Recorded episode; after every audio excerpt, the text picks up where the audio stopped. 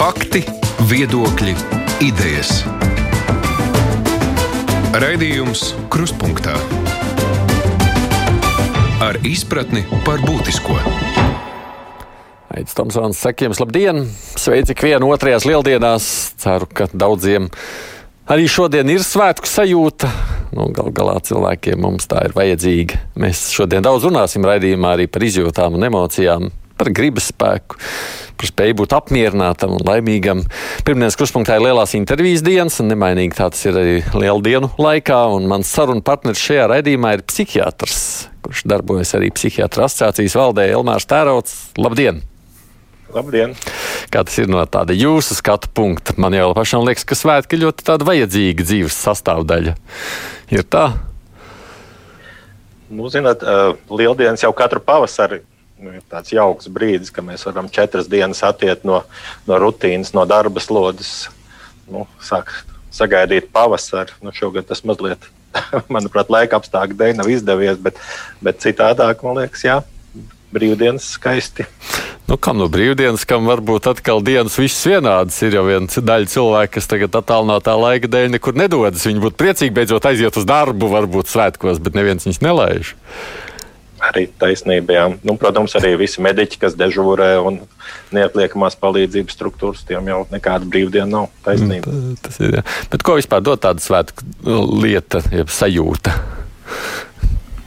Nu, Droši vien tas ir dažādās šķautnēs skatāms. Nu, viena lieta ir šis te, uh, nu, kristīgās pasaules skatījums, nu, kas, ir, kas ir tāds jaunas dzīves sākums un grēku piedošana. Un, Un, jā, un cita lieta ir, nu, kad ir jauna gada sākums, ir kaut pavasaris, sāk viss augt, sāk viss veidoties, parādās cerība. Nu, jauns dzīves cikls ir arī katram no mums. Nav svarīgi, kāds ir saturs, galvenais, ka tik svētki. Jā. Nē, nē, es domāju, ka šeit nu, katrs piedod to savu, savu jēgu. Nu, Pareizticīgiem varbūt šīs dienas ir bez tādas nozīmes. Bet es domāju, ka katrs, katrs jau piepilda ar kaut ko šīs dienas. Jums pašam ir šodienas svētku sajūta? Nu, šodien jāsaka, ka īsti vairs nav, bet nu, ir iespēja pabeigt rakstīt papīru darbā mazliet. Bet, kā jau es teicu, diemžēl daudziem visiem š, šīs dienas tā bieži ir nolīdzinājušas. Mājās jāsēž, vienalga vai tie ir svētki vai darba diena, un svētkos izklaides arī nekādas nav. nav nu, bet nav tā, ka darbs tagad kļūst par svētkiem, iespēja aiziet strādāt. Es domāju, ka daļai cilvēki tieši tā ir. Nu, strādājot medicīnā, psihiatrijas jomā, nu, mums nav bijušas šādi pārāvumi un, un nu, tādu šīs te, nu, karantīnas dēļ, ka mēs varētu strādāt tikai attālināti. Nu, mums tas nav iespējams līdz ar to. Nu, ir varbūt tā grūti subjektīvi vērtēt, kā jūtas tie, kam ir visu laiku jāstās, jāstrādā attālināti, vai kam šobrīd vispār nav iespēja strādāt. Bet nu, es domāju, ka daļai cilvēku izraušanās no mājasēdes ir, ir, ir patiešām svētki. Cik daudz jums iznāk savā darbā saskārties ar šīm mājasēdes un karantīnas izraisītām problēmām? Jāsaka, ka pēdējo mēnešu laikā konsultējot ambulatoru pacientus, tomēr nu, gandrīz ar katru pacientu mēs par to runājam. Jo nu, neskatoties uz to, kādā jomā šis cilvēks strādā vai nestrādā, es domāju, ka visi ir noguruši no tā, ka nu, ir ierobežota tikšanās, ir ierobežota kaut kāda ceļošana, kaut kur braukšana. Domāju, ka, ka visiem cilvēkiem visus tas ir skāris, bet, bet, bet jau vairāk tos, kam ir nestabila situācija mājās, kam ir, kam ir kaut kāda konflikta situācijas mājās. Nu, no psihiatrijas viedokļa skatoties, nu, mūsu pacienti, kam agrāk ir bijušas depresijas periodi, dažādas trauksmes, neirozes, miega traucējumi, tie lielai daļai pacientu šobrīd ir sāsinājušies. Tā kā es domāju, ka liela daļa skar šī te, nu, Covid pandēmija. Ja pat tieši nekā vīrusu infekcija, mm. tad visu ierobežojumi noteikti. Nu, tieši tā, jums uzrodas arī kādi jauni pacienti šī iemesla dēļ. Zināt, es, tā, tāds iespējas ir šobrīd, arī, arī skaitļi rāda, ka mazliet vairāk ir pirmreizēji pacienti, bet es domāju, ka šo smagu, smagumu un, un intensitāti vairāk izjūt šobrīd ģimenes ārsti. Arī, arī psihoterapeiti, psihologi runā par to, ka viņiem ir vairāk pacientu. Es domāju, ka kopumā ir cilvēkiem vairāk psihiskas grūtības, šodien psiholoģiskas, emocionālas grūtības. Skatījos pirms gada, kad bija intervija ar jums, jūs teicāt, ka psihožu lielais vilnis ir vēl tikai priekšā. Nu, tas bija kaut kāds aprīlis, ja pareizi atceros, pirms gada, kad gāja šis pirmais pandēmijas vilnis. Tad mēs esam tagad tās psihožu viļņa vidū.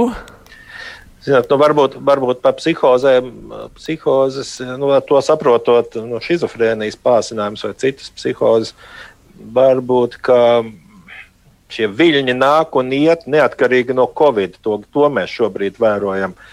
Kā man stacionārā strādājošie kolēģi stāsta, ka šobrīd šie pacienti, kas stājās neatliekamā kārtā slimnīcā, viņi ir smagāki un ielaistāki, un ir arī alkohola problēmas klāt un vielu lietošanas problēmas klāt.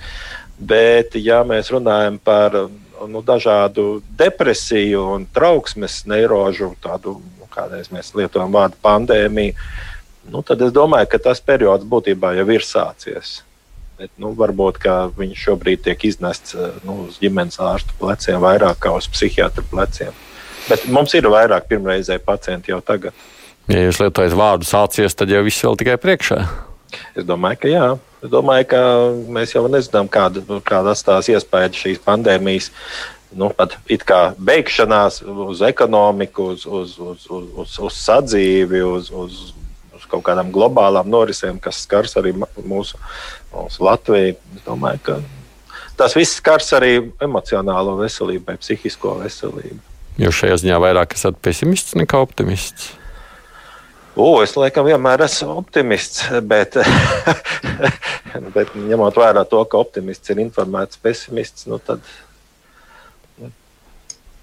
Ja mēs runājam par šīm lietām, ar kurām jūs skaisti sakat saskarties, tad pamatā ir runa par depresijas pieaugumiem, tādām trauksmes sajūtām nu, gan starptautiskie mēdī par to runā, nu, medicīnas literatūra raksta no, no Amerikas Savienotām valstīm, no Eiropas.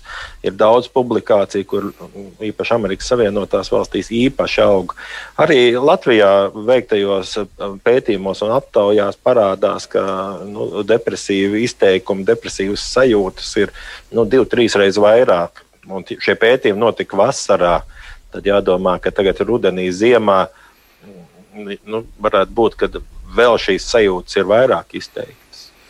Bet kas to tieši vairāk izraisa? Tas, ka nav iespēja socializēties, vai tur ir bažas par to, kas notiek ar finansēm? Kas ir tas, jūsuprāt, lielākais iemesls šim?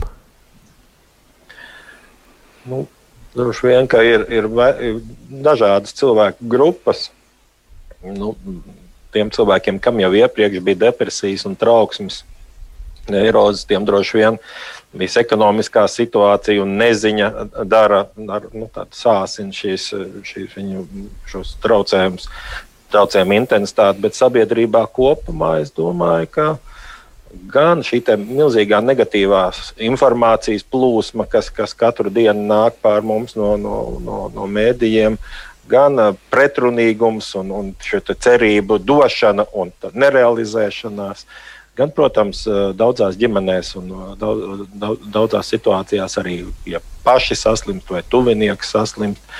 Neapšaubām ekonomiskā situācija, neapšaubām ģimenes grūtības, kur, kur ir vecāki bez darba un bērni bez iespējas apmeklēt skolas un, un, un nodarboties ar kaut kādiem saviem hobijiem. Es domāju, ka dažādi faktori iespējo.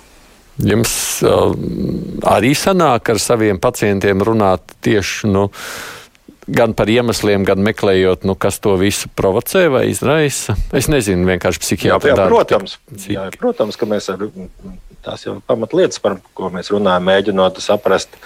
Nu, kas ir tie nu, tā saucamie triggeri, vai kas ir tās, tās jomas, kas ir cilvēkam vairāk skartas, un meklējam kaut kādus nu, veselos resursus, kas, kas atkal var palīdzēt. Vai tā ir atkal jau draugi, draugi vai, vai ģimene, vai, vai darba maiņa, vai vēl kaut kādas iespējas, kas, kas pacientam varētu sniegt šo atbalstu. Paralēli tam, ka viņš saņem psiholoģisku, psihoterapeitisku palīdzību un medikamentozu terapiju. Protams, ar visiem mēs to runājam.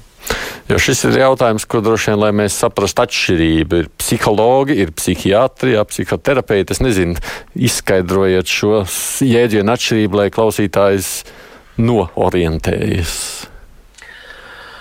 Ak, vai. Ak, vai.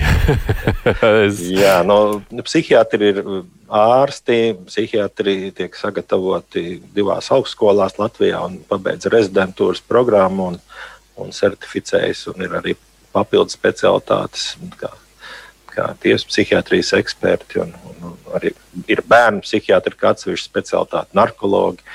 Un ir arī, um, protams, ir ārsti, psihoterapeiti, kas arī mācās, kā nu, ārstu specialitāti caur rezidentūru. Bet ir arī psihoterapijas speciālisti, kas ir ar dažādu bāzes izglītību. Pārsvarā tie varētu būt uh, klīniskie un veselības psihologi ar papildus izglītību. Viņam papildus mācās vēl pēc uh, psihologa studiju, maģi, pēc maģistratūras un apgūst psihoterapijas kādu no specialitātēm. Uh, Un ir arī vēl klīniskie psihologi, un pamatā tie ir klīniskie veselības psihologi, kas, um, kas ir pabeiguši maģistratūru kādā no augstskolām. No tāda varbūt tā. Iz, īsnībā šis laiks ir labs ar to, ka mm, paralēli pandēmijai mums, mums ir ļoti tāda, tāda cieša diskusija veselības ministrijā, gatavojot tādu projektu, kas nu, tuvākā tuvākā laikā cerams sāks darboties. Tas ir psiholoģiskās palīdzības projekts cilvēkiem, kas ir nu, tā vai citādi nonākuši grūtībās, emocionālās grūtībās Covid krīzes laikā. Nu, tur mums tieši visi šie jautājumi, mēs viņus maļam, mēģinām struktūrēt, sakārtot. Nu, es ceru, ka pēc kāda laika mēs redzēsim, nu, tāds, nu, ka parādīsies arī publiskā telpā šī informācija, ka ka varēs, varēs, varēs par valsts naudu konsultēties pie, pie, pie klīniskiem veselības psihologiem un citiem speciālistiem. Es par šo vēl mazliet plašāk pēc brīdiņa arī pajautāšu, bet jautājums, kāpēc es prasīju par atšķirībām starp psihologiem vai psihoterapeitiem, jo tajā brīdī, ja cilvēks saskaras ar kaut ko, nu, tad, ja viņš vispār ir gatavs meklēt kādu palīdzību, tad viņam ir tā liela izšķiršanās, vai skatīties internetā, meklēt kādu psihologu palīdzību, vai iet pie ārsta un prasīt viņa palīdzību. Un droši vien tā sajūta ar psihiatriju lielākoties ir, oi, nu, tā labi, tie ir jau gan izvēja aptiekas iela, tad tur jau vairāk nē. Kur ir tā vieta, kur, nu, kā tam cilvēkam saprast, ko nozīmē meklēt kāda palīdzību no malas? Zināt, nu, vispār jau varēja arī ģimenē aprunāties, kā, nu, ko darīt šādās situācijās. Bet no šiem pirmais speciālists, ar ko vajadzētu runāt par šīm grūtībām, būtu ģimenes ārsts un, un, un varbūt lūgt viņa padomu. Bet jāsaka, ka te ir tāda arī tāda paudžu maiņa vai paudžu tādas nu, viedokļu atšķirības, ka nu, nu, tāds, manā paudzē un vecākiem cilvēkiem nu, vārds psihiatrs ir tāds, joprojām tāds aizdomīgs speciālists un nedodies aizies. Un, ja nu vēl arī kaut ko atradīs un konstatēs un nonāks uzskaitē un tā tālāk. Tad, nu, jāsaka, ka jauni, jauni cilvēki ir vairāk tendēti meklēt palīdzību, un, un, un, un šīs stigmas viņu vidū ir mazāk. Es domāju, ka nu, lēnītēm tomēr šī psihiatrijas stigma eh, sabiedrībā mazinās. Bet jūs kā, psihi... domāju, jūs kā psihiatrs sakat, vajag meklēt psihologa palīdzību vai psihiatra palīdzību? Nu, tas, mūsu asociācijas viedoklis tomēr ir tāds, ka nu, tas, mūsu arī rehabilitācijas komandu centrā ir, ir, ir psihiatrs, vismaz valsts aprūpas sistēmā. Mēs sadarbojamies ar mūsu tā sauktām multiprofesionālām komandām, kur ir gan terapeiti, gan fizioterapeiti, gan ergoterapeiti un, protams, arī klīniskie veselības psihologi, kas strādā nu, vairāk ar tādu saucamo kognitīvu behaviorālās terapijas elementiem. Tā kā, nu, Pagaidām pierādās, ka, ka tas ir tāds labs modelis, kur šis psihiatrs ir komandas vadītājs un, un, nu, tad, un, nu, speciālisti, ka ir, katrs strādā ar savām metodēm. Tā, tā šobrīd strādā mūsu dienas stacionārā, arī stacionārā, no, stacionārās nodaļas. Šis nu, nezinu, vai stereotipiskais pieņēmums par to, ka nu, labi, psihologs ir tas, kurš uzklausa un palīdz atrast pašām atbildes uz jautājumiem. Psihiatrs ir tas, pie kā tu aizies, viņš iedos tev ripiņu. Jā, nu, psihiatrs tikai tā sākumā daudz, daudz uzklausa un tad pieņem lēmumus par kaut kādām ārstēšanas uh, taktikām. Gluži nav tā vairs, ka visiem obligāti ir vajadzīgs tikai ripiņas, bet nu, zālēm ir sava vieta ārstēšanas procesā. Bet neapšaubāmi visu, visu nevar izārstēt ar, ar zālēm. Es pieminējām te, ka nu, tā pandēmija raisa tādas vairāk sāsinājumus. Vai jums ir nu, kaut kādi statistikas skaitļi vai ainu redzami, kuras grupas šīs pandēmijas ietekmes kar vairāk vai grūtāk? Vai nu pa vecumiem, vai pa profesijām, vai kaut kā citādi? Nu, aptauja, kas, kas notika valsts pētījuma programmas ietvaros, psihiatrijas narkoloģijas katedra veids profesors Rancāns, docents Rubļevski parādīja, ka tās ievainojamākās grupas ir tomēr pusauģu sievietes un tie, tie cilvēki, kam ir iepriekš bijušas jau depresijas epizodes. Bet, bet nu, tā strādājot ikdienā, jāsaka, ka, ka nu, šķiet, ka nav tādas vienas grupas, kas cieši mazāk. Es domāju, tāpat tās ir savas grūtības senioriem, ir tāpat tās savas grūtības arī strādājošiem cilvēkiem. Bet pētījumos šīs trīs grupas vairāk parādījās. Tajā pašā laikā nu, šīs ir divas diezgan dažāda veida um, dalījumi. No vienas puses, pusauģis ir vecums stāsts, otrs - sievietes, un tā ir puse no pasaules.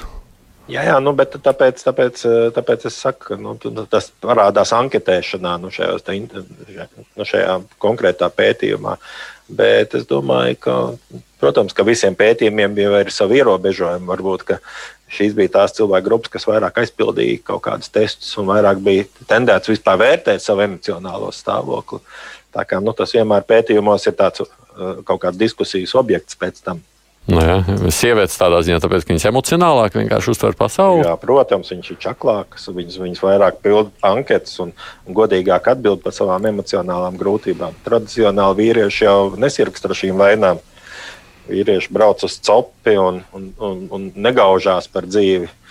Un, ja, ja nu ir grūtības, tad iet uz, uz alkohola nodaļu veikalā un atrisina savas problēmas it kā paši kas, protams, pēc tam neat, neparādās citos statistikas datos. Pareizāk sakot, parādās, bet ārkārtīgi dramatiskā veidā.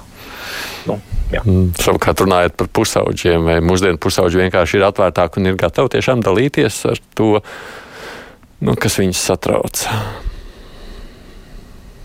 Domāju, ka situācija nav vienmērīga, bet um, nu, tomēr uh, nu, tāds iespējas, ka, ka jauniešiem, jaun, jaunieši ir gatavāki meklēt palīdzību šobrīd. Bet no otras puses, protams, šī ārkārtīgā datorizācija un, un uz, akla uzticēšanās dažādiem internetu resursiem, es domāju, ka tas arī ir nu, savs, savs negatīvs konsekvences ievieš. Par pusauģiem runājot, mazliet paliekot vēl pie šī temata vairāk. Kas šobrīd ir tas lielākais riska faktors. Sēdēšana mājās, mācīšanās pie datora, vai tā jau ir kaut kāda jau arī ne tikai pandēmijas, bet arī pirms, pirms pandēmijas tikpat raksturīga problēma. Nu, tā ir jau arī pirms pandēmijas bijusi tāda problēma vai grūtība, bet es domāju, ka ļoti būtiska problēma ir tajā, ka šobrīd um, bērni, pusauģi, viņiem, viņiem nav iespējas savstarpēji komunicēt, viņiem nav iespējas klātienē trenēt savus saskarsmes prasmes, nav iespējas mācīties, kā atreaģēt emocijas, negatīvās vai pozitīvās. Nu, tas, tas vecums ir ārkārtīgi jūtīgs šai ziņā. Viņiem šī iespēja nav. Tagad viss sēž Instagram un ar kaut, kādām, ar kaut kādiem viena, diviem teikumiem atbild uz visām lietām. Bet, bet nu, tās emociju regulācijas prasmes šobrīd šādā veidā nevar apgūt. Un šeit nu, būtu ļoti svarīgi, iespējami ātri bērniem atgriezties skolā, kur ar viņiem sākt strādāt kvalificēti speciālisti, pedagogi un skolu psihologi, kas, nu, lai, lai, lai šīs prasmes veidotos. Jo, protams, caur ekrānu tas, nu, tas nenotiek. Ir citas valstis, kuras ir mēģinājušas veidot viļņus, nu, proti, aiztaisīt uz mēnesi skolas ciet, nu, tad situācija paliek labāka kaut vai uz dažām nedēļām, bet atver, protams, atkal paliek sliktāk un atkal var ciet skolas. To mēs redzam daudzās Rietumē Eiropas valstīs. No jūsu kā psihiatra skatu punkta šāda pieeja būtu bijusi pareizāka, domājot par pusauģu veselību. Jā, tas ir labs jautājums. Nu, es domāju, ka, ka var būt tāda elastīgākā attieksme pret, pret dažādu nu, mācību ierobežojumu, tādu, tādu atcelšanu un atkal noteikšanu. Varbūt pat būtu labāk. Jo, jo nu, tāds zināms bezcerīgums, ka viss ir cieta un nekāda iespēja sastapt savus klases biedrus vai interešu biedrus, ka nav. Nu, es domāju, ka tā arī tajā ir savu mīnus. Protams, ka sāk arī paklusot, tur tikties, un tas atkal ir pārkāpums, un atkal kaut kādas negatīvas emocijas tam sako līdzi. Bet, protams, ka epidemiologi man droši vien iebildīs šajā brīdī, jo, jo nu, nu, epidemioloģiskie riski ir augsti. Bet, ja cilvēks ir nu, tādā, tādu, kā teikt, jauns vārds, ir labjūti, ir labjūti un, un pozitīvām emocijām, iespējams arī saslimšanas, tad norit norit labvēlīgāk, mazāk, zemāk inficēšanās riski. Bet, nu, tas tāds bijis pārgalvīgs no manas apgalvojums. Nu, kāpēc? Es jau jautāju, mēs jau vienmēr uz visām lietām skatāmies no savas pieredzes, un tāpēc jau beig beigās kādiem ir jāmēģina sabalansēt vienu vai otru pusi. Ir svarīgi, kā to redz psihiatrs tieši tādā pašā Jā, veidā. Protams, ja, ja cilvēks ir pozitīvā noskaņojumā, ja viņam nav trauksmes un normāls miegs, skaidrs, ka viņa imūnā sistēma un imūnā atbilde ir efektīvāka nekā tiem, kas ir depresīvi, eh, ilgstošā bezmiegā un trauksmē. Ja? Nu, tas, tas jau ir šobrīd nav jāpierāda. Tas, tā, vispār axioma. Kamēr valsts nav mainījusi šo politiku, un mēs arī neredzam pagaidām vēl, kā tas tālāk varētu notikt, ko jūs varat ieteikt? Nu, droši vien tikpat vecākiem, cik iespējams pašiem jauniešiem. Es varētu ieteikt, mēģināt uh, runāt mājās reizēm arī man pašam reizēm savas aizņemtības un noslogotības dēļ ar to ir grūtības, bet, bet es domāju, ka šai pandēmijai ir arī plusi. To es pēc savas ģimenes vēroju. Mēs esam visu laiku mājās, vairāk vai mazāk. Mēs tiešām savstarpēji esam ar bērniem sākuši sarunāties. Vairāk un, un, un bērni attīstījuši mājās tādas prasmes, kas līdz šim nebija vispār bijušas ēst gatavošanu un, un sarunāšanās savā starpā. Tā kā es domāju, ka pandēmijai viss nav, tik, nav, nav tikai negatīvais, bet, nu, protams, ka es domāju, ka būtu jāmēģina runāt un atbalstīt vienam otru. Tāda savstarpējā ģimenes socializēšanās varētu mazināt to spriedzi, kas veidojas, tāpēc, ka nav ārpus ģimenes socializācija. Es domāju, ka nu, savā veidā jā. Tā kā visu laiku mēs dzīvojam milzīgā steigā, mācības, un tad bija sports un, un, un pulciņi. Un, un tad nekāda sarunai nebija laika. Visi noguruši atskrien mājās un liekas gulēt, vēl kādu mājas darbu izpildu. Tagad tas viss ir mazliet savādāk. Ja. Ir vairāk laika arī vecākiem, piemēram, sazināties, sazvanīties. Nu, kaut kādi pozitīvie momenti arī tajā ir. Ir arī vēl kādi ieteikumi, citas, kas var skart nezinu, fiziskās aktivitātes vai kaut ko, nu, kas varētu palīdzēt tiem, kas domā, ko darīt, ja viņi jūt, ka viņi grims tādā nu, trauksmē vai neziņā. Jā, nu, tie vispārīgi ieteikumi jau, jau ir, ir tieši tādi, ka jūs jau tikko sākāt, nu, ierunājāties par to. Protams, ka veselīgi dzīvesveida pasākumi tagad ir svarīgāki kā jebkad, un, un te ir iespēja tomēr vairāk sportot kopā iet, iet ārā, iet, iet, iet paskriet. Nu, da, sporta zāles šobrīd, protams, ir slēgtas. Atrasties svaigā gaisā, doties pārgājienos, iepazīt Latviju. Tāda dīvaina aktivitāte parādīsies, ka cilvēki brauc un staigā pa takām, staigā pa pilīm, mūžām, kuras nekad nav bijušas neviens. Tā kā es domāju, jā. Um, nu, uh, Droši vien ir, ir, ir, ir, ir labi, ja negatīvās informācijas apjomu, kas nāk pāri mums visiem, mazliet ierobežot. Nu, varbūt, ja jūt, kad ir krenķīgs noskaņojums un trauksme un miega traucējumi, varbūt ziņu pārraides skatīties nu, divas, trīs reizes nedēļā, bet neskatīties katru vakaru visas iespējamās ziņu pārraides, kur maļ vienu un to pašu, ka vakcīnu nepietiks, tur tādai vakcīnai tādas grūtības, tādiem tur tādas grūtības, grūtības, problēmas, problēmas, grūtības. Nu, mēģināt varbūt atrast uh, sevi kaut kur klausoties labu mūziku, lasot kādu labu grāmatu. Kas varbūt pārlasot kādu labu grāmatu, kas agrāk ir patikusi. Nu, katrā gadījumā mēģināt tomēr pārslēgties no šīs negatīvās informācijas plūsmas arī. Kur ir tā robeža, kad vajag meklēt tomēr kādu profesionāļu, jūsu palīdzību? Nu, tur, kur, tur, kur ir tomēr lielāko dienas daļu, ir šī grūtsirdība, slikts noskaņojums, ka nekas vairs nesagādā prieku un gandarījumu. Uh, pavainās apetīti, pasliktinās miegs, parādās izteikta trauksmes sajūta, kas vairs nav sasaistām ar kaut kādām noteiktām situācijām. Tur, kur nu, bezmiegs ir intensīvs jau, jau vairākas naktas pēc kārtas. Nu, domāju, ka tur, kur parādās dažādas ķermeņiskas sajūtas, dažādas sāpju sajūtas un, un dažādas dedzināšanas un, un, un pārliešanās, un vēl kaut kādas visādas dīvainas ķermeņa sajūtas. Tur droši vien ir jāmeklē palīdzība gan pie ģimenes ārsta, gan arī pie psihiatra. Un šeit droši vien ir vietā teikt, ka psihiatri joprojām ir tiešās pieejamības speciālisti, kur arī var nu, vērsties patiešo kādā valsts aprūpas iestādēs un pieteikties uz konsultāciju arī bez nosūtījuma. Šeit nekas nav mainījies. Mēs visu pandēmijas laiku esam klātienē strādājuši. Tā kā Tā kā droši, droši, ja ir tāda vajadzība, tad vajag, vajag reģionos psihiatra praksēs vērsties pēc palīdzības Rīgā. Trīs vietās, kas ir ambulatorais centrs Pārdaugavā, ambulatorais centrs Velder, kas atrodas Juglā un arī Tvaikielā. Rīgas psihiatrijas narkoloģijas centra uh, teritorijā ir ambulatorā noteikti. Tās visas ir struktūras, kurās, kurās cilvēki var konsultēties pilnīgi par velti un saņemt uh, profesionālu viedokli par šiem jautājumiem. Un tad vajadzības gadījumā var palīdzēt arī šajās jūsu pieminētajās izpausmēs medikamenti.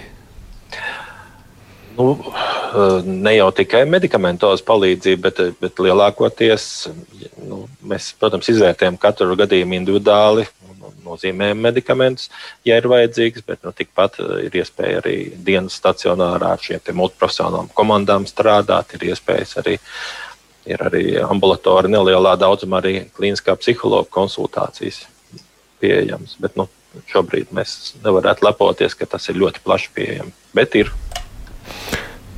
Tiem, kas ir pieslēgušies vēlāk, es tikai atgādinu, šī mums ir saruna ar psihiatru. Viņš ir arī psihiatru asociācijas viceprezidents Elmārs Tērauts. Raidījums Krustpunktā. Jūs jau pieminējāt arī veselības ministrijas tālāko izstrādi, tā, lai klausītāji zina, jūs esat arī galvenais speciālists, kas darbojas veselības ministrijas, kā lai to pasaka, paspārnē, nozarē, darbība, palīdzat viņiem. Nu, nu, cik iespējams, cik mana kompetences sniedzās, tik mēģinu.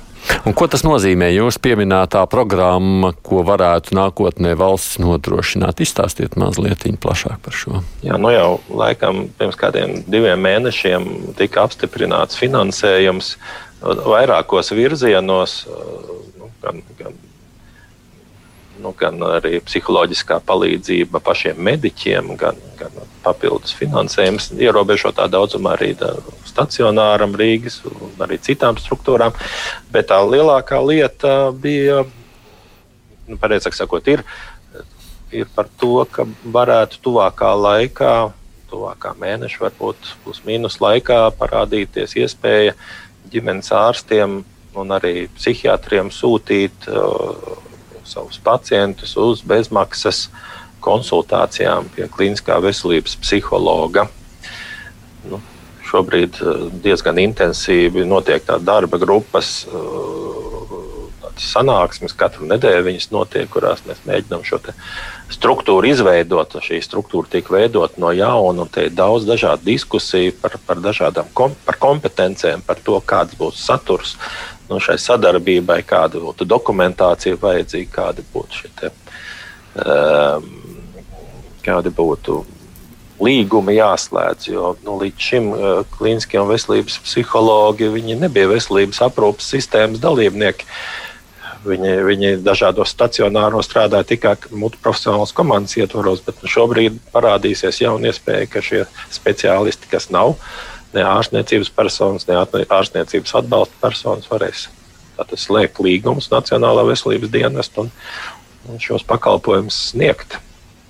Nu, tur diezgan liels tehniskais darbs apakšā tam visam šobrīd. Kāpēc tas ir vajadzīgs? Jo jūs jau teicāt, ka arī šobrīd var taču cilvēks iet pie ģimenes ārsta, var pat ešo rakstīties pie jums, kā pie psihiatra. Kas tad būs citādi ar šo?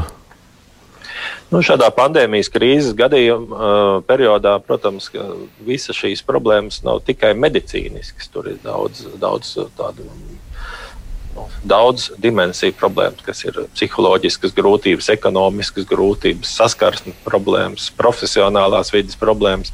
Un skaidrs, ka tas viss nav risināms ne ar medikamentiem, ne atrašanos stacionārā. Šeit ir vajadzīgs gan, gan, gan krīzes intervences, saucamās, ja psiholoģiskā palīdzība krīzes situācijās nonākušiem. Nu, es domāju, ka klīniskā veselības psihologi ir tiešām gatavi strādāt ar šīm problēmām un palīdzēt veselības aprūpas sistēmai. Un, protams, palīdzēt pašiem šiem cilvēkiem, pacientiem, klientiem. Jūs jūtat, ka jums arī ir slodze liela, ka jūs nu, ir tā, ka jā, jāspēj tikt ar visu galā, es domāju, par šiem psihiatriem. Nu, pēdējā laikā mēs ar vien vairāk runājam, ka mūsu slodzes ir pārmēru lielas, ka mums tomēr trūkst pašiem savas iekšējās nu, teiksim, noregulējuma, cik mēs varētu, ar cik pacientiem vienā dienā mēs varētu strādāt. Es domāju, ka mēs jau ilgstoši vairākus gadus pārstrādājam nu, kādas Eiropā pieņemtās normas, bet nu, patreiz nu, ja, mēs, ja mēs sāksim dozēt šo darba slodzi, tad, tad visdrīzāk būtiski pasliktināsies piekļuve pie speciālista. Tas ir tāds, nu, tāds karsts kartupelis. No vienas puses pārdeg kolēģi un speciālisti, no otras puses no šī piekļuve pie, pēc, nu, pie pakalpojuma. Tas ir nu, ļoti būtisks jautājums. Paskatīšos, ko arī ļaudis mums raksta, kamēr mēs runājamies. Es nolasīšu divas vēstulītes, un tad jūs komentāri lūkšu. Ofra raksta šādi: Es vērsos pie ārsta, viņš arī man nosūtīja uz tvaika ielu, bet man tur nonākot sajūta bija kā smēlē. Paldies, otrreiz negribu un neredzu jēgu. Un tad vēl viena vēstulīte no Raita. Tāda esmu aktīvs Twitter lietotājs, man nav paslīdējuši garām ziņas no tvaika ielas. Reāli pacienti, kas šajās dienās nokļuvuši iestādē, raksta par tur valdošo atmosfēru, par drausmīgiem apstākļiem, tikpat šausmīgi apkalpojošo personālu un medmāsām. Vai cienītais ārsts varētu pakomentēt, jūsuprāt, kāda ir šī situācija valsts lielajā stacionārā? Turbūt tur ir vajadzīga kāda reorganizācija vai kāda maiņa. Nu, droši vien nokļūšana slēgta tipa psihiatriskā stacionārā, nu, nekad nav, nekad nav tāda subjektīva, viegla ne pacientiem, ne arī personālam, kas tur strādā. Un, protams, ka šie cilvēki, kas nokļūst slimnīcā, ir ārkārtīgi atšķirīgi, katrs ar savām vajadzībām. Tas, ka stacionārās nodaļas ir pārblīvētas ar pacientiem, tas ir, tas ir viennozīmīgi. Uh, vai vienmēr ir tik slikti, varbūt kā tas izskan kaut kur, kaut kādos Twitter uh, ziņojumos. Nu, varbūt, ka tomēr jāskata katra situācija atšķirīgi. Uh, Bet nu, ir jau arī pa brīdim situācijas, ka uh, paši cilvēki ir ārkārtīgi saspringti, uzvilkti, ir kaut, citi ir savu psihisko traucējumu dēļ, citi ir kāda viela iespējā, citi kaut kādu dramatisku konfliktu situāciju dēļ ir ļoti nesavaldīgi. Un, protams, ka viņi arī iesaistās paši un provocē šīs domstarpības. Bet uh, tas, ka stacionāri stacionārs varētu būt mazāk noslogots un, un šīs nodaļas varētu būt mazāk blīv, blīvas ar pacientiem, tas ir taisnība. Nu, tas ir, nozīmē, ka nodaļās mums ir kaut kur nu, 30, 35 pacienti uz, uz, uz, uz, uz šo nelielo skaitu personāla. Līdz ar to nu, nu, iespējams, ka tajā ir lietas, ko ir pienācis laika pārskatīt. Bet, bet nu, katrā ziņā vēl pirms kādiem gadiem, pieciem, desmit. Nu, Latvijas psihiatriskā aprūpe bija viena no vislētākajām visā Eiropas Savienībā. Nu, pat, mums ir ļoti daudz gājis uz priekšu no šīs tā, gan multiprofesionālo komandu parādīšanās, gan arī no, ārstniecības vidas, sakār, vidas sakārtošanās ambulatorijos centros ārpus lielā stacionāra. Bet, nu, katrā gadījumā nu, nevienmēr, nevienmēr tas, tas arī, kas parādās eh, masu mēdījos, vienmēr ir tā, tā, tā vērtējams kā, kā kaut kāda pārkāpuma vai, vai, vai neizdarība. Reizēm arī paši šie cilvēki vai pacienti nokļūstot slimnīcā ir, ir ārkārtīgi nesavaldīgi un, mm. un konfliktaini. Nu, ir jau tās spriedzes, saprotu, jā liela. Es arī nolasīšu vēl kādu vēstulīti, vienkārši, kas man liekas, arī rāda to noskaņojumu, kā varbūt no vienas vai no otras puses tas izskatās. Antra raksta šādi. Vai jūs, prāt, ir veids, kā vērsties ar pretenzijām pret valsts ierēģiem viņu neadekvātas rīcības gadījumos, kas izraisa arī man psihiskas veselības problēmas? Pieredzēju situāciju, kad man kā darba devējam augsta riska grūtniecības laikā burtiski uzbruka valsts darba inspekcijas darbinieki, pirmo reizi arī draudot ar kriminālu atbildību, otrais uzstājot, lai es personīgi ierodos uz viņu biroju nedēļu pirms dzemdībām. Nevienā, ne otrā gadījumā VDI pārkāpums nekonstatēja. Es esmu sūdzējies par šiem ierēģiem, man neviens neatbild. Nu, proti, valsts kanclere tikai atļāvās man pateikt, ka es esmu pati pārāk jūtīga, un man tas tiešām radīja būtiskas problēmas pirms un pēc dzemdībām. Nu, mēs redzam tādu ļoti konfliktainu situāciju. Viens Nu, es domāju, ka patiešām šī pandēm, pandēmijas šis, šis gads nu, ir radījis tādu sas, saspringumu tādu sabiedrībā un tādu, tādu gatavību uz konfliktiem. To jau, to jau mēs jūtam ikdienā, jo, jo visi jūtas izsīkuši, visi jūtas kaut kādā ziņā nu, ierobežoti vai, vai noguruši. Es domāju, arī ierēģi, kas ikdienā strādā, arī attālināti strādā. Nu, domāju, ka, nu, laikam, laikam nu, jāmēģina mums būt vienam pret otru mazliet tolerantākiem un iecietīgākiem. Nu, varbūt arī tas palīdzētu kaut kādas situācijas vieglāk atrisināt. Jo meklējot konfliktu, sācinot, eskalējot, nepārtraukti norādot tikai uz kaut kādām negatīvām lietām, nu, no šiem, tas uz tādu labu sarunu neved tālāk. Mēs jau zinām, ja lasām arī diezgan daudz ziņojumus no policijas par pieaugušo vardarbību ģimenēs, kas arī pandēmijas laikā ir vērojama. Jums, kā psihiatram, ir kāds padoms, ko jūs varētu zinu, dot ģimenēm?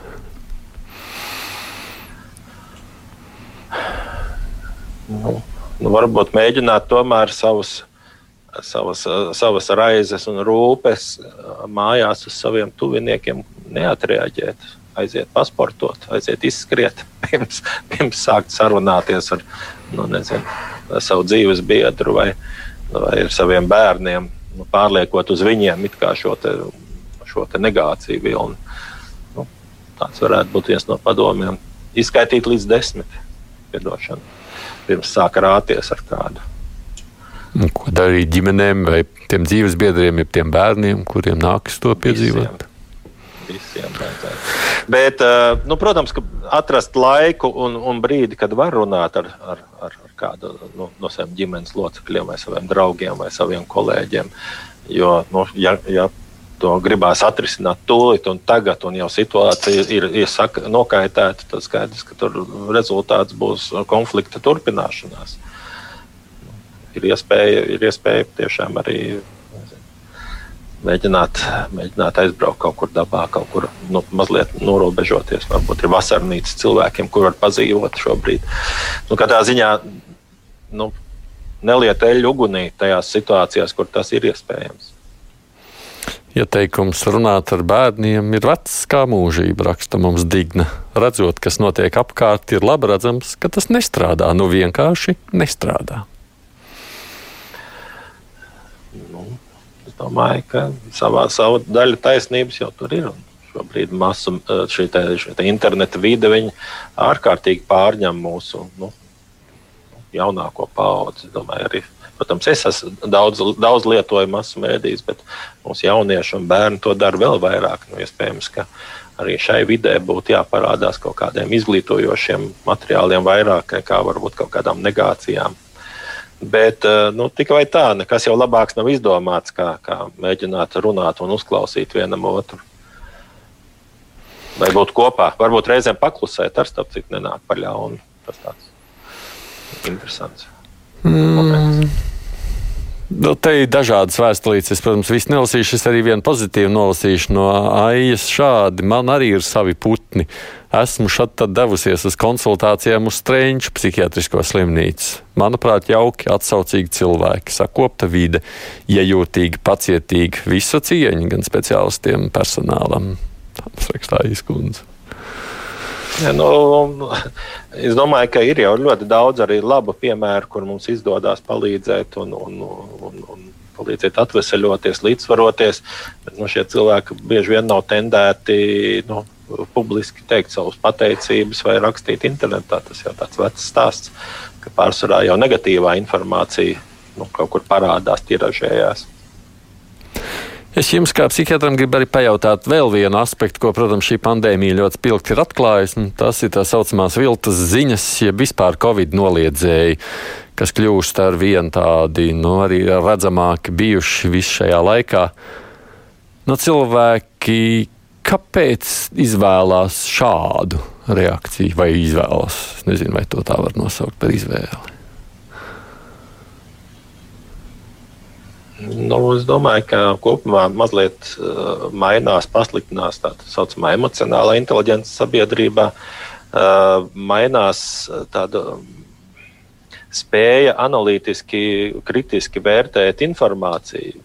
To, to, to, to, to atkal redzu bērnu pusauģu vidē, ka viņi ļoti akli uzticās Wikipēdijai, akli uzticās informācijas avotiem, ko, ko var viegli sasniegt. Nu, tad jautājums, kas ir šī informācija? Un kāds, kāda ir tā spēja vispārināt un, un kaut kādas slēdzienus izdarīt. Nu, jā, es domāju, ka uh, viltus ziņām, viltus ziņu būs ar vien vairāk un, un viņas iespaidos mūsu sadzīvi. Un tam pretī var likt vienīgi izglītību. Jūs teiktais, grāmatu lasīšanu, internetu resursu lasīšanu, bet to ra, ras, resursu lasīšanu, kas ir uz pierādījumiem balstīta. Bet tur parasti ir tā informācija sarežģītāka. Viņa vairs neietilpst trīs vai četrās rindiņās, kā tas ir kādās šajās viltus ziņās. Tur ir, tur ir drusku jāpiepūlās, izprotot, panalizējot, salīdzinot. Nu, nevar jau gan sacīt, ka arī viltu ziņās mēs neredzam analīzi, tikai viņi varbūt ir citāda analīze. Jā, nu, nu, taisnība. Nu, tā, droši vien, kad arī tādi piemēri ir, bet nu, droši vien, ka lielāko vairumu jau sasniedz ļoti īsas, īsas šīs viltu ziņas, kas darbojas nesliktāk. Ja runājam par jauniešiem, jūs teiktais ir arī kritika tomēr pašreizējai mūsu izglītības sistēmai, jo mēs jau sakām, lai nu ko, bet jaunajiem taču mēs skolās mācām kritisko domāšanu, spēju atšķirt, meklēt avotus un tam līdzīgi. Nu, nē, es negribētu kritizēt izglītības sistēmu. Drīzāk, drīzāk nu, vien šis, šis gads būs, būs slikts ar to, ka šie pedagogiem nav iespēja strādāt ar, ar šiem bērniem klātienē un, un, un ar savu piemēru, ar savu attieksmi, ar savu erudīciju, nu, nu, rādīt, rādīt, kā var gūt informāciju, kā var ar to strādāt. Es domāju, ka nu, tādā nozīmē, bet es domāju, ka pašai apmācības sistēmai nu, tā globāli, nu, tā, manā skatījumā, nav problēma tas, ko mēs varam vērot arī tajos pieminētajos sociālajos tīklos, reizēm arī šķiet pat iracionāli. Pat pats nopietni slims ar covid, jau guļ jau ar 39 mājās. Bet nu, visādas izplatītas joprojām ziņas par to, ka tā viss taču ir.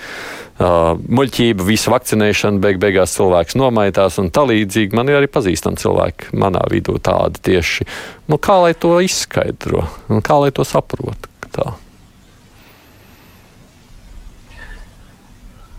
Nu, katram no mums ir tāda vai citāda uh, pakāpe, ir tādas savas maģiskās domāšanas, varbūt kaut kāds īpatsvars mūsu domāšanas struktūrā. No cīm redzot, šiem cilvēkiem šī maģiskā domāšana, sazvērstība, saskatīšana nu, ir, ir, ir ļoti uh, būtiska daļa no sprieduma sistēmas. Tam ir saistība ar cilvēku personību, ar, ar to vidi, kur viņi komunicē. Nu, es domāju, ka sabiedrībā vienmēr uh, šādi cilvēki ir. Bet nu, šis laiks ir tas, kur šī maģiskā domāšana kļūst intensīvāka. Jo skaidrs, ka tādiem loģiskiem argumentiem bieži nu, mēs netiekam nekur uz priekšu nākas skatīties un meklēt kaut kādas sazvērestības.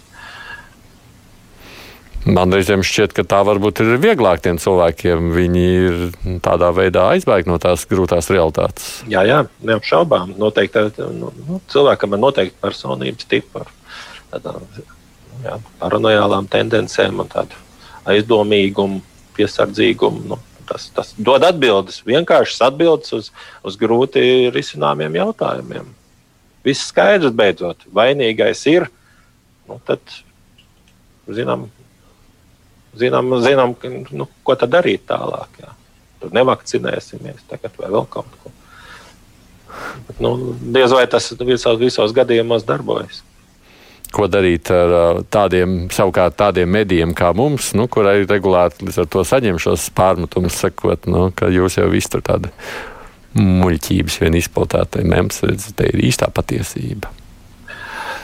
Un es varbūt gribētu labus vārdus teikt gan Latvijas nu, nu, valsts mēdījiem, gan televīzijai, gan rādio. Tomēr, nu, ļoti, manuprāt, tiek daudz strādāts pie tā, lai šī informācija būtu iespējami, iespējami pamatota. Reizēm, protams, nav iespējams katru, katru apgalvojumu pamatot ar, ar saviem pētījumiem, bet es domāju, ka, ka, ka nu, šie valsts mēdīji daudz strādā, lai šis saturs būtu, būtu nu, tāds, tāds loģisks un strukturēts. Nu, cits jautājums ir, nu, cik intensīvām tam ir jābūt. Nu, brīžam liekas, ka ziņu pārraidē 90% ir par covid. Bet, nu, laikam jau arī maz citu notikumu šobrīd sabiedrībā. Tas atkal tāds negatīvs moments. Runājot par tām ilgtermiņa sekām, kuras jau mēs tikai pieminējām garām, ejot. Jūsuprāt, kādas tās varētu būt tā ietekme no šīs pandēmijas nākotnē, tīri psihiatrisks skatu punktu lūkojoties? Nezinu, vai nu, psihiatriski es domāju, ka būs tuvākos uh, gadu, divus, tomēr būs vairāk šo neirožu pacientu un, un depresijas pacientu, nu, ar ko jāstrādā mūsu kopā ģimenes ārstiem. Bet uh, nu, tādā uh, emocionālā plāksne, tāda sabiedrības plāksne. Es domāju, ka lielākā daļa no mums ir izaugusi periodā, tādās, tādos gadu desmitgadēs, kur nu, sabiedrība it kā tā kā tik lielā mērā nekas neapdraudēja un bija sajūta, ka mēs labāk vai sliktāk ar visu tiekam galā. Bet nu, šobrīd atkal ir tāds. Tāda tā norāda, ka tomēr nu, dabas māte ir, ir spēcīgāka par cilvēku rasi ka nāks ar, nāksies ar to vairāk rēķināties. Domāju, ka tā mūsu bērniem, jauniešiem nu, tā ir tāda. Nu, tāda vēl nebijusi pieredze. Vēl pēdējos desmit gadēs nebijusi pieredze. Mums vairāk jārūpējas par, par higiēnu, par drošību, par epidemioloģisko drošību, vis, vienmēr jau tas īstenībā tepat vien bija. Kaut kā mēs visi bijām tādi, jāsaka, drusku atslābuši.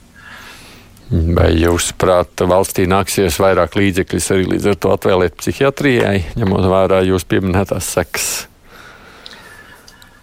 Nu, ļoti ceru, ļoti ceru. Ļoti ceru.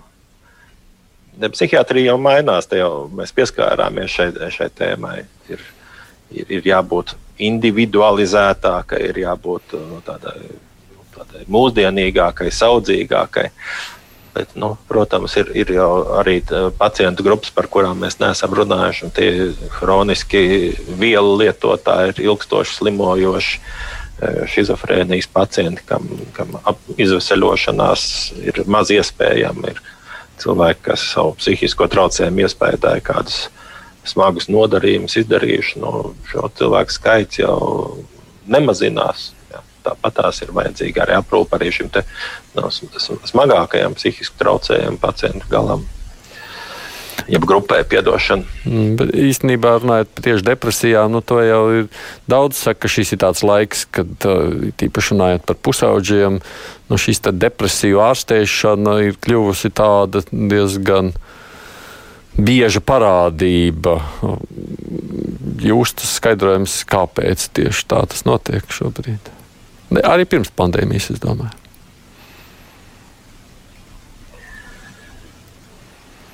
Nu, Nu, nav jau tā, ka ir zināms viens konkrēts iemesls, kāpēc sākas depresija. Tas joprojām ir daudz faktoru kopums, kas to iespaido gan bioloģisku, gan, gan arī sociālu, gan ekonomisku faktoru kopums.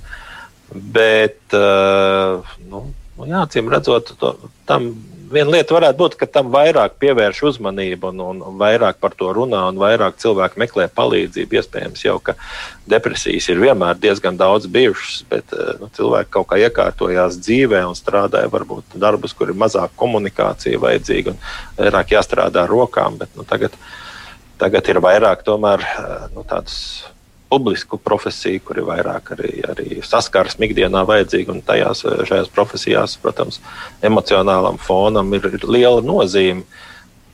Šien, kad, cilvēki arī vairāk uzdrošinās meklēt palīdzību. Domāju, ka arī tāpēc vairāk depresija parādās arī sociālie labumi ir, ir, ir, ir kādreiz faktors, kas, kas iespaido biežumu. Es domāju, šeit kaut kāda uh, darba nespējas lapu piešķiršana vai pat kādreiz invaliditātes noteikšana depresijas dēļ. Nu, Daudz dažādu faktoru iespaido to, kāpēc ir vairāk depresiju šobrīd. Hmm. Par pandēmiju savukārt noslēdzot, uh, varētu būt arī no šīs pandēmijas kāda laba ietekme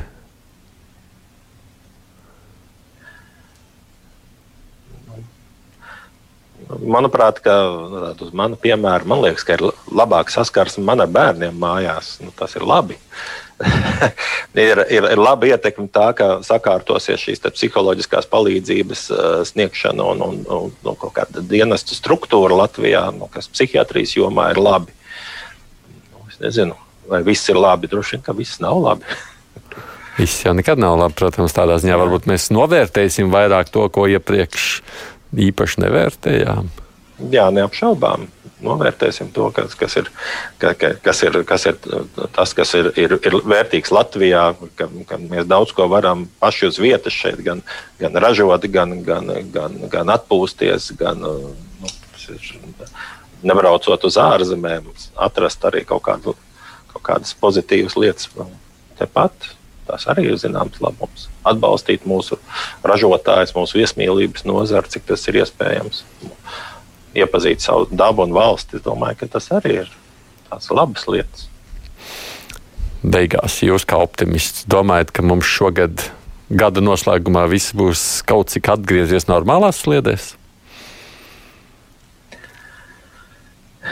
Es ceru, ka cilvēki būs, būs vērsti uz, uz, uz, uz nu, kā, lai, kā lai tā pasakā, lai drošāk vakcinēsies, tas, ko es gribēju teikt, un tas mums varētu reāli dot iespēju tomēr samazināt šo saslimušo smago pacientu skaitu, un tad, protams, mums varētu atvērties daudzas jomas un nu, strādāt bez ierobežojumiem. Nu, tā ir tā cerība, ka uz rudeni tas notiks, kad būs šis te, nu, kritiskā masa vakcinētiem cilvēkiem sasniegt. Nu, tad jau arī, arī mūsu dzīves kvalitāte daudzās lietās uzlabosies. Bet vai viss būs atrisināts, es domāju, ka vēl nē. Elmārs Tērauts ir psihiatrs, psihiatra asociācijas valdē darbojas, viņš ir viceprezidents. Paldies jums, ka lieldienu laikā atvēlījāt laiku sarunai arī par šādu tematu. Paldies, ka uzaicinājāt. Procentu jūnām studijā bija Rēs Aidis Tomsons.